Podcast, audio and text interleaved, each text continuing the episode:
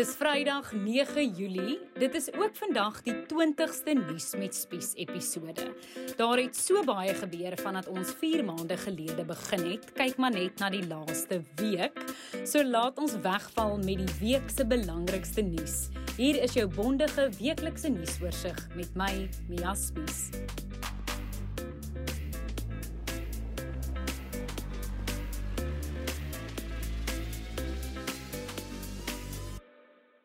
In die nuus die week, oud-president Jacob Zuma is agter tralies, maar eers in isolasie vir 2 weke. Dan is een van sy grootste ondersteuners in hegtenis geneem. COVID-infeksie styg in bykans alle provinsies en dit laat almal wonder of die vlak 4 regulasies na Sondag verleng gaan word. Ek het vir die Suid-Afrikaanse Mediese Vereniging daaroor gevra. Dan het nog 'n koue front die Kaap getref. Die taksi-oorlog in die Kaap het nog 7 lewens geëis en in buitelandse nuus is Haiti se president in 'n sluipmoordaanval dood. En laastens vind uit watter vier kleurvolle karakters hierdie week ingeënt is. Net voor ons begin, jy kan nou jou weeklikse nuus met Spies podcast elke Vrydagoggend in jou WhatsApp inbox kry. Druk net op die skakel wat ek hierbo in die post geplaas het. Hoofnuus vanoggend is dat oud-president Jacob Zuma sy eerste volle nag agter tralies deurgebring het in die Escort gevangenis in KwaZulu-Natal. Dit nadat hy Woensdag nag na 'n dag van hoog drama in hegtenis geneem is by Nkandla. Die 79-jarige is verlede week deur die konstitusionele hof tot 15 maande tronkstraf gevonnis vir minagting van die hof omdat hy vroeëre hofbevel geïgnoreer het dat hy voor die staatskapingskommissie moet verskyn. Toe Zuma Sondag die media by Nkandla toegespreek het, het hy gesê dit is 'n doodsvonnis om hom tronk toe te stuur. Luister hierna. Sending me to jail during the height of a pandemic at my age is the same as sentencing me to death. Tydens 'n media-konferensie donderdag by Estcourt gevangenis het die minister van Justisie en Korrektiewe Dienste, Ronald Lamola, egter dit laat klink of Zuma heel oukei vaar. He is in good spirit and um, he he is being taken care of. He has um, also had his uh, first breakfast, so he's in good spirit. He's uh, he's jolly, good self, laughing, and uh, yeah, he's in good spirit. Zuma sal sy eerste 14 dae in isolasie in die hospitaalafdeling deurbring. As precaution and in line with the COVID-19 measures, the former president will be placed in isolation for a period of 14 days. Furthermore, he will be assessed by our medical team in conjunction with the South African Health Military Services, and this will determine the conditions of his incarceration. This assessment is done to determine the major risks and needs of the offender. A complete profile report will then be submitted with recommendation to the Case Management Committee in line with all the assessments that have to be done.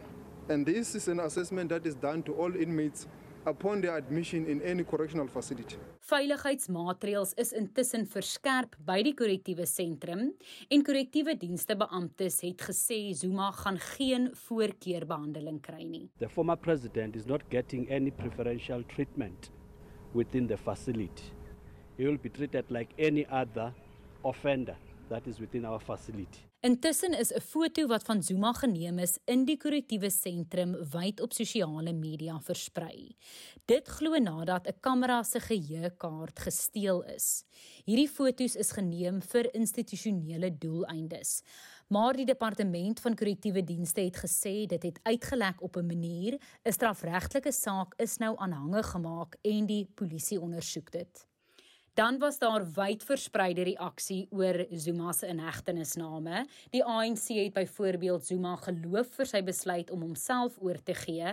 Opposisiepartye het gesê dis hoogtyd en dan het adjunk hoofregter Raymond Zondo een sin daaroor te sê gehad. It may be important to just mention briefly that one wishes that it had never become necessary to reach this point. Intussen sal die Hooggeregshof in Pietermaritzburg nog steeds vandag uitspraak lewer oor Zuma se dringende aansoek dat die inwerkingstelling van die konstitusionele hof se opdrag opgeskort moet word.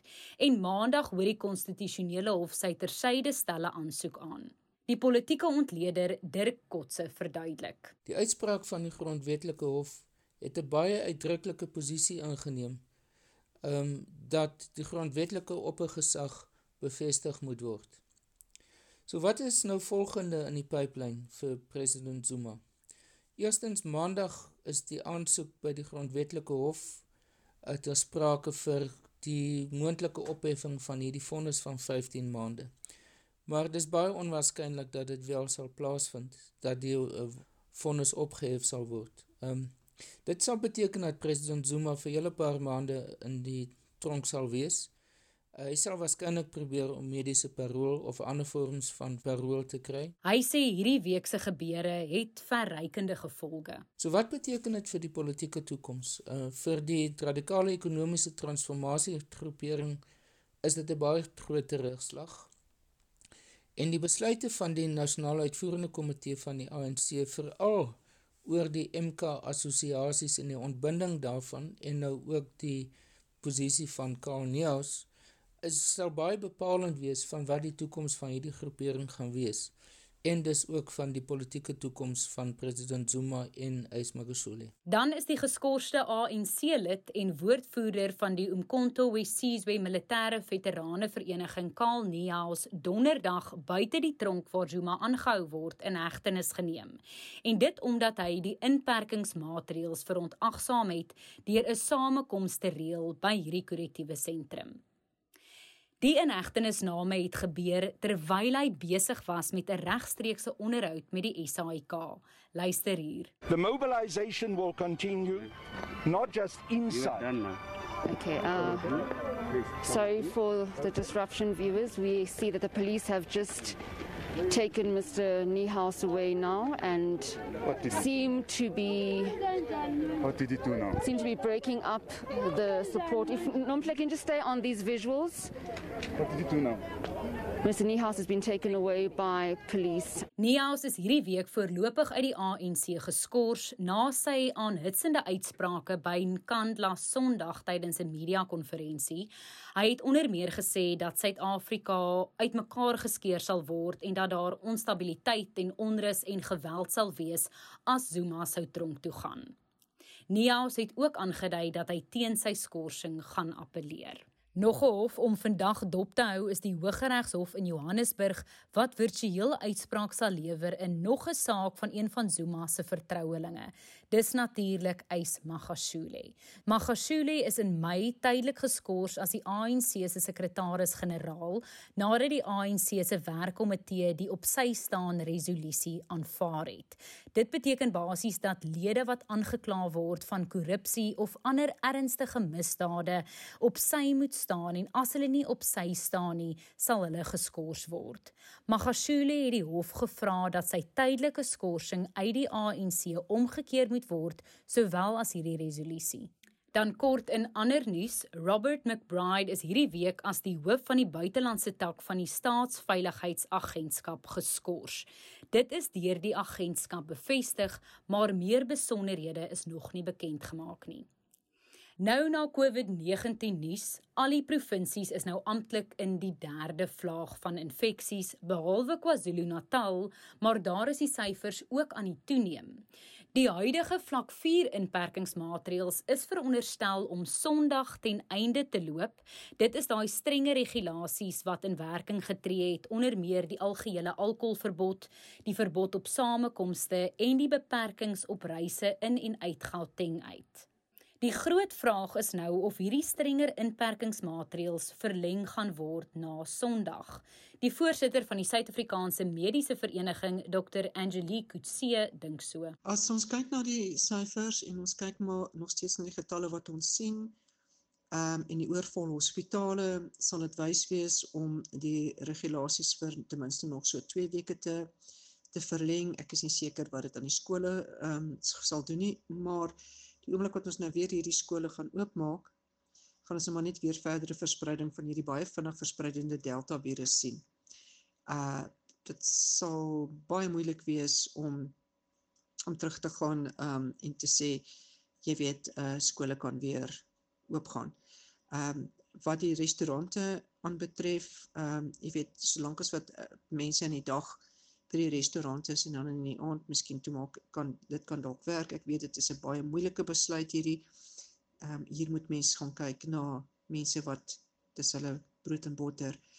Um ek dink in elk geval dat ehm um, die verkope van alkohol deur die dag ehm um, nie so groot impak het op die ehm um, verspreiding van die virus nie. Ehm uh, weet jy, ou moet probeer om mense in die aande by hulle huise te kry.